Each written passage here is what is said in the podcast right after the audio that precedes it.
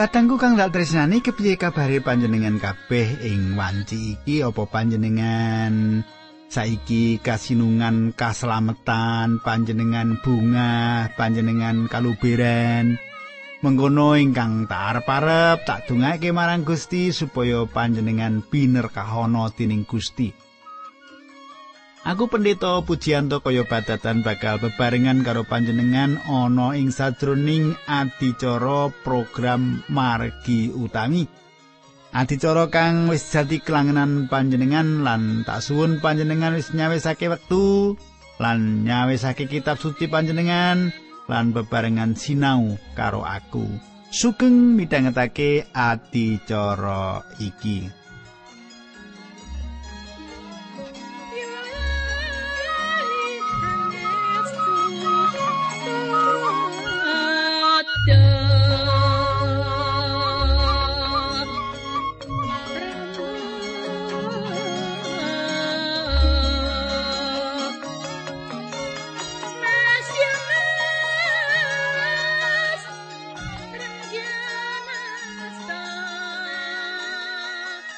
Sumitraku ing patemon kita kepungkur kita wis nyemak kepiye bangsa Israel nampani kamenangan nalika peperangan karo bangsa Amalek.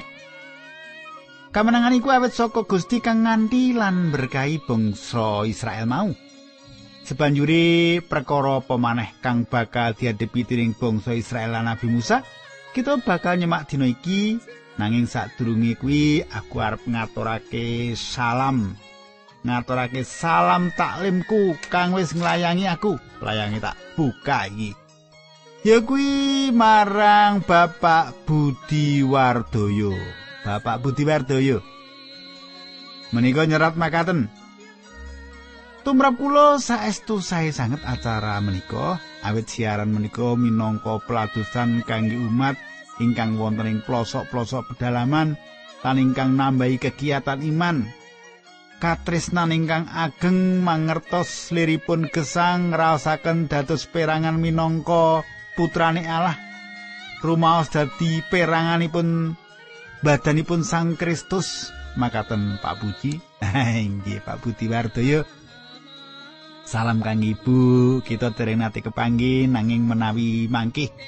Kula wonten pladusan ing daerah panjenengan kula badhe mampir datang panjenengan kula nyipeng ngene Pak jenengan nggih Pak nah, ayo kita ndedonga bebarengan.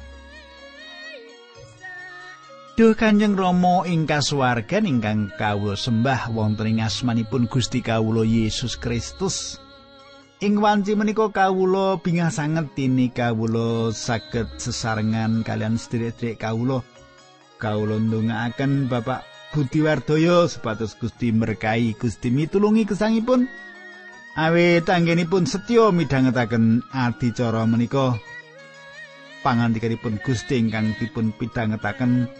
Kintenipun saged dados jalaran kiating imanipun. Dinambaran asmanipun Gusti Yesus Kristus kawula netunggal haleluya. Amin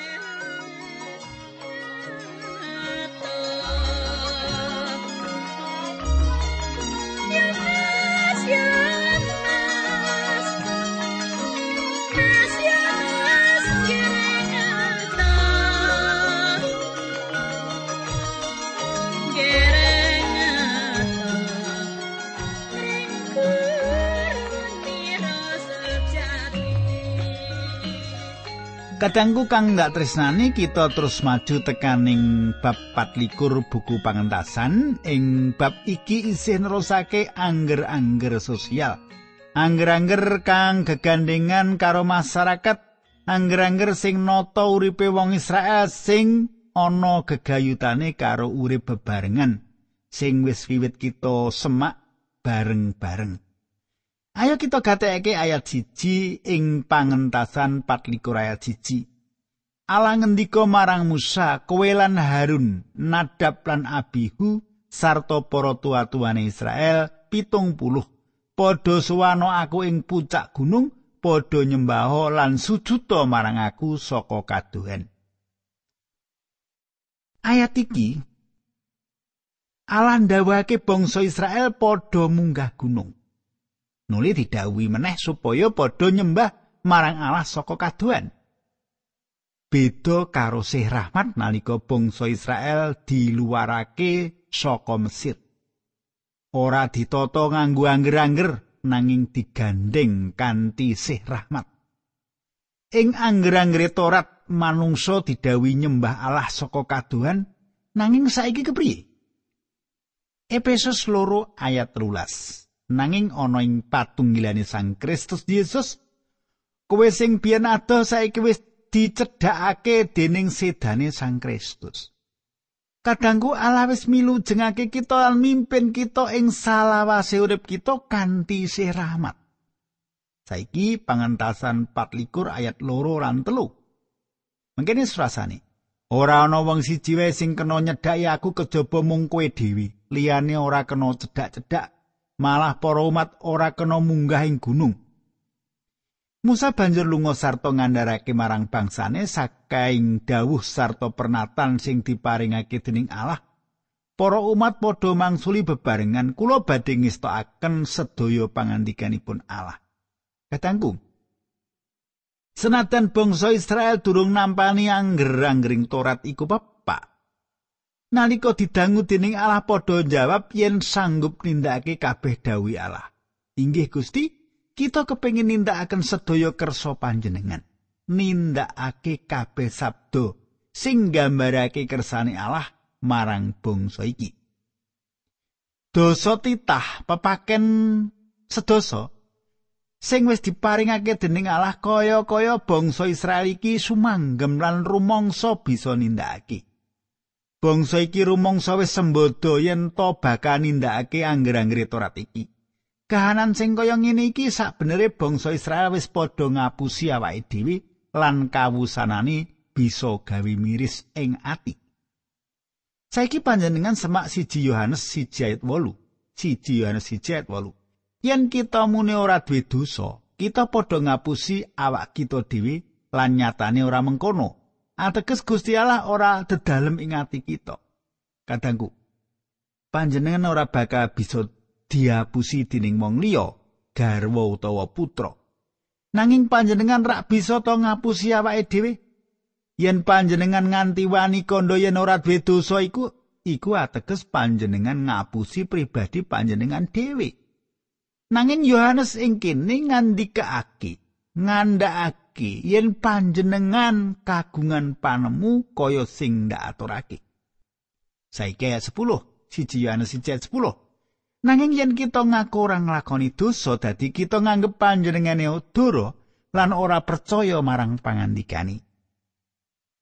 Kadangku Allah ngendika yen panjenengan ngaku ora duwe dosa, panjenengan wis ndadekake Allah doro. Mongko Allah ora tau dura utawa apus-apus marang sapa wae.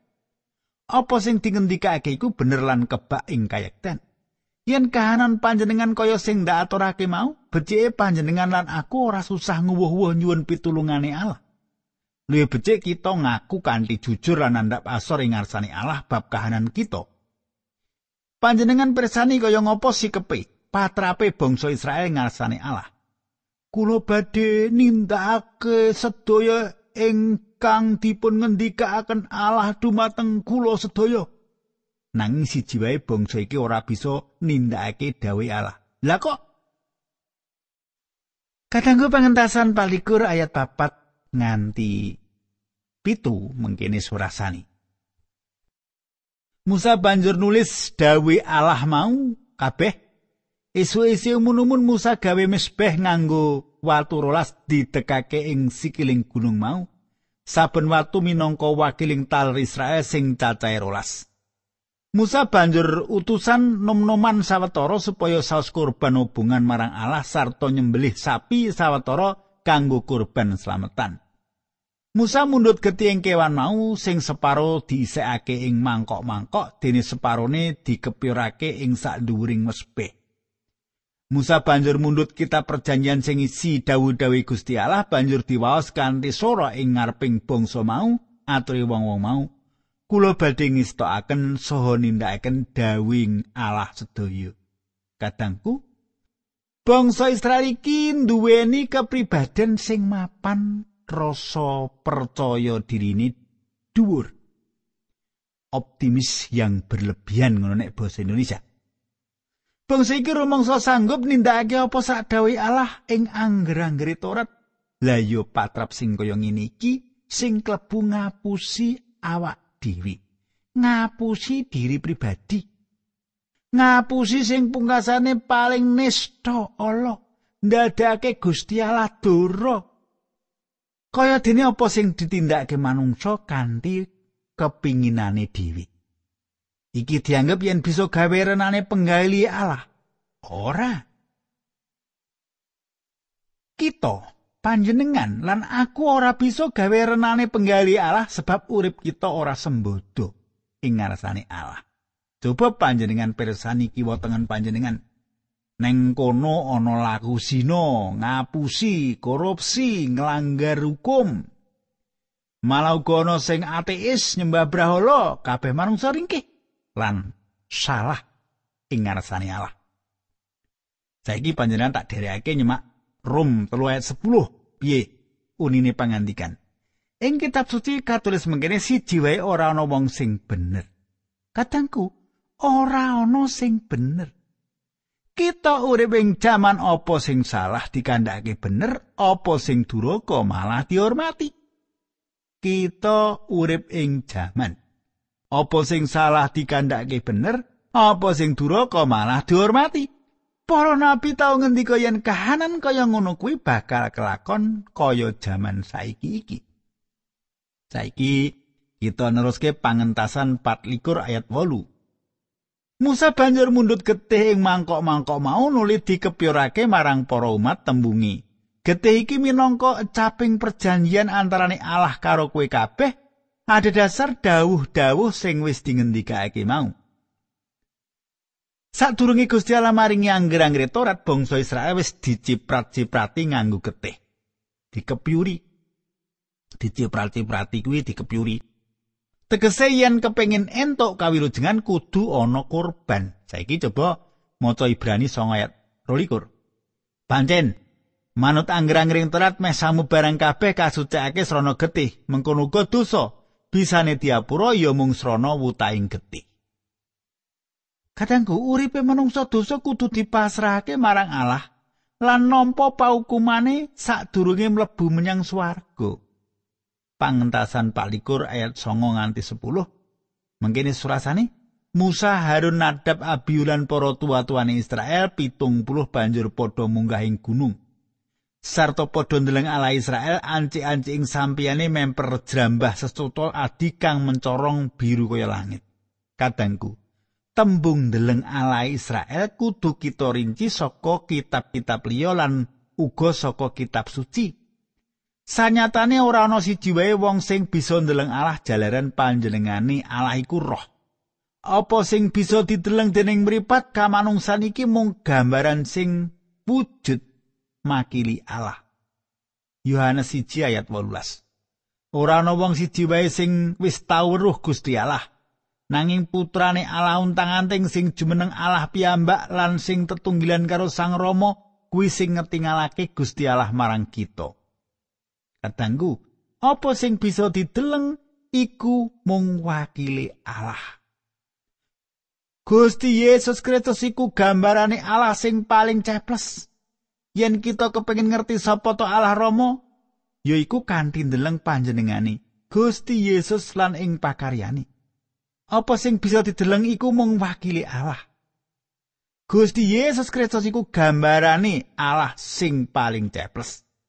yen kita kepengin ngerti sapa to Allah Rama yaiku kanthi ndeleng panjenengane Gusti Yesus lan ing pakaryani kita ora bisa nggambarake Allah Sang Rama iku kepriye dedek piadeke penggalihe pangrasane lan sak panunggalane. Ing kitab Yesaya dipratelakake ngene. Yesaya 55 ayat 8 lan 9 pangandikane pangeran rancanganku ora kaya rancanganmu lan caraku beda karo caramu. Kaya dhuwure langit nggone ngungkuli bumi ya semono bedane tumindakku karo penggawemu lan rancanganku nggone kinacek karo angen-angen. Kadangku Nanging kabeh mau wis didhawuhake Kristus marang kita ing bab iki. Para tuwa-tuwane bangsa Israel, Nabi Musa, Harun, Nadab, Abihu lan ana pitung puluh tuwa-tuwane Israel ora ketemu karo Sang Rama nanging karo citrane Allah Sang Rama. Pangentasan partikur ayat 11. Allah ora numpes para tuwa-tuwane Israel mau senadyan wis padha ndeleng panjenengani. Wong-wong banjur padha mangan lan ngombe bebarengan. Kadangku, ing ayat iki diceritake yen padha ndeleng citrane Allah. Nuli Musa nyuwun supaya bisa ndeleng kanthi paningali sapa to Allah iku uga dadi panyuwune Filipus nalika ana ing omah ing ruangan dhuwur bisa ndeleng panjenengane Allah. Aturi. Yohanan 14 ayat 8 nganti 9. Filipus nuli matur Gusti, Kawula mugi panjenengan tedhai Sang Rama menika supados kawula sami marem. Pangandikane Gusti Yesus, wis semono lawas nggon kuwi bebarengan karo kowe kabeh wis semono. Kowe kok rumangsa durung wanuh karo aku. Filipus, sing sapa wis ndeleng aku kuwi uga wis ndeleng Sang Rama. Kepriye dene kowe muni kawula mugi panjenengan tedhai Sang Rama? Sumitraku, yen panjenengan kepengin ngerti sapa to Allah Sang Rama iku kudu tepung karo Gusti Yesus. Yen panjenengan kepengin sowan marang Allah Sang Rama ora langsung sowan ing ngarsane, ora bisa. Ing kitab suci ngandikake yen Allah wis paring pangantara, pantoro yaiku Gusti Yesus Kristus. Saiki panjenengan tak derekake maca siji Timotius loro ayat 5. Awit Gusti Allah kuwi siji lan ya siji sing ngrukunake Gusti Allah karo manungsa yaiku Kristus Yesus. Kadangku, panjenengan sowan marang Allah kudu lantaran Gusti Yesus. Gambarane kaya dene astane Gusti Yesus sing siji nyepeng astane Sang Rama lan sing siji ing asta panjenengan. Nuli katang kepake dadi siji. Kita pancene wis nyadari yen kita ora bisa sowan dhewe marang Sang Rama. Pangentasan partikur ayat 13 lan 13. Gusti Allah ngendika marang Musa, "Sowana marang ngarsaku ing pucaking gunung iki, aku bakal maringake papan watu loro kang wis ndak serati saking angger-angger supaya kok ulangno marang bangsa kuwi." Musa lan Yosua pambantune padha tata-tata nuli munggah ing gunung suci. Kadangku, pancen Yosua disiapke dening Allah kanggo ngganti Musa sing wis sepuh. Yosua sawijining nom-noman sing wis sip kanggo nampa apa sing diajarake Allah marang dheweke kanggo tugas agung mimpin bangsa Israel sak pungkure Nabi Musa mengkoni. Pangentasan 24 ayat 14 pangandikane Musa marang tua-tuane Israel ngentenono ing kene nganti aku bali. Harun lan Hur uga keri karo kowe ana ing kene sing sapa duwe perkara suwana marang wong loro kuwi supaya oleh karampungan. Musa banjur minggah ing Gunung Sinai nuli ana mega nutupi gunung mau. Ayat 16 nganti 18 ana cahya gedhe sumorot mblerengi mertandani yen Gusti Allah tedhak ing gunung. Tumrape wong Israel cahya mau kaya uruping geni ana ing pucak gunung. Sadroning 6 dina gunung mau katutupan ing mega, ing dina kapitune Gusti Allah nimbali Musa saka ing mega mau. Musa banjur minggah mlebu ing sadroning mega nggone ana ing dhuwur gunung mau lawase patang puluh dina patang puluh bengi. Sumitraku kita wis ngancik pasal selawe buku pangentasan. Kita bakal nyinau bab pewangunan lan pembangunan kemah perjanjian. Kemah perjanjian duweni bukti yen panggonan iku dadi papan dawi Allah sing kebak kamulyani. Tetunggilan karo umate bangsa Israel.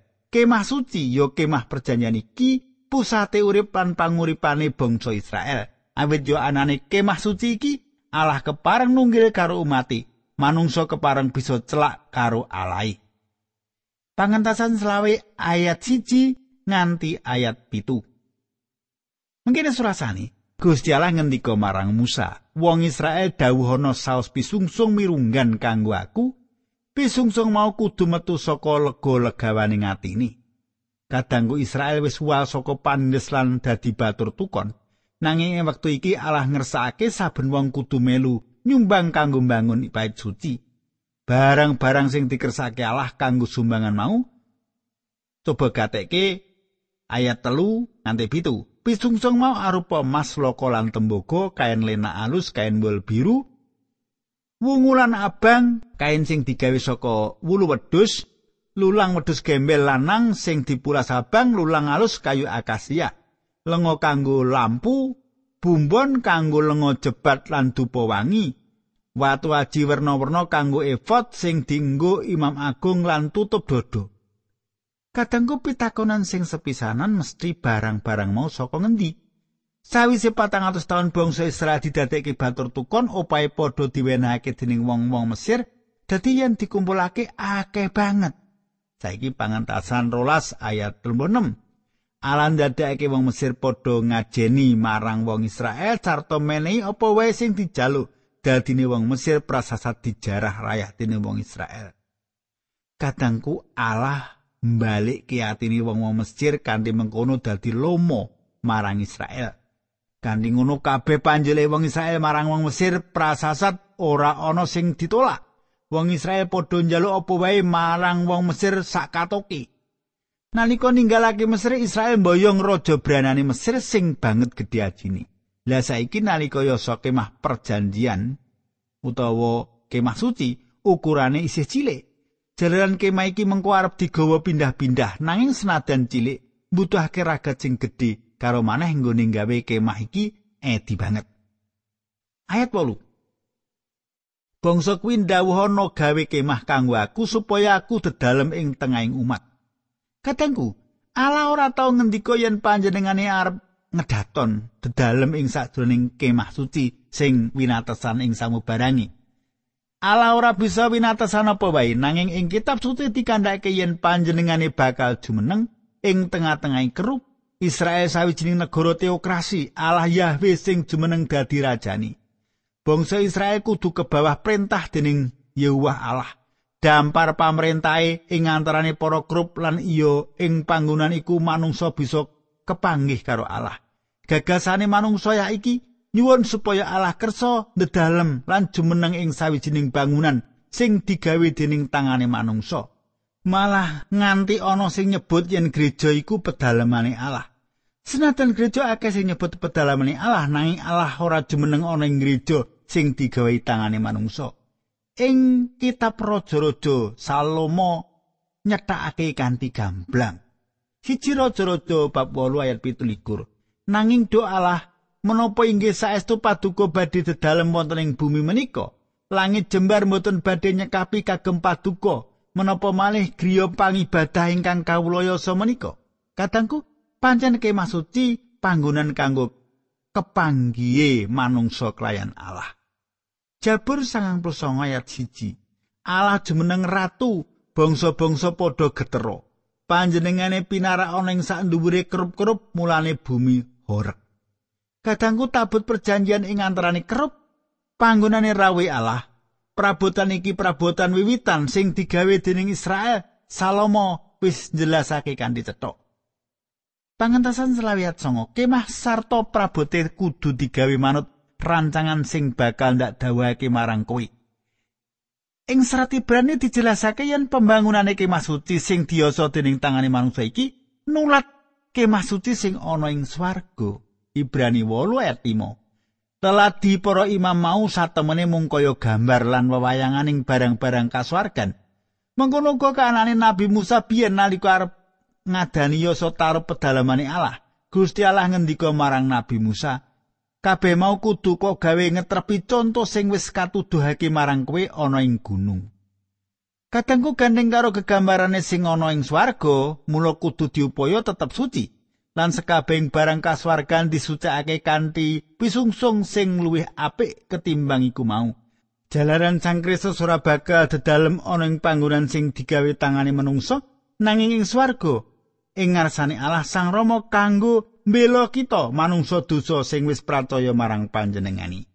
Sumitraku semene dhisik aturku kanggo mungkasi atur ayo kita padha ndedonga dhisik.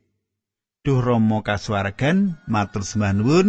atas sedaya berkah paduka lumantar pangandikanipun Gusti menika kalau suwun Gusti berkahi sanak katang kawula menika dinambaran asmanipun Gusti Yesus Kristus kawula donga haleluya amin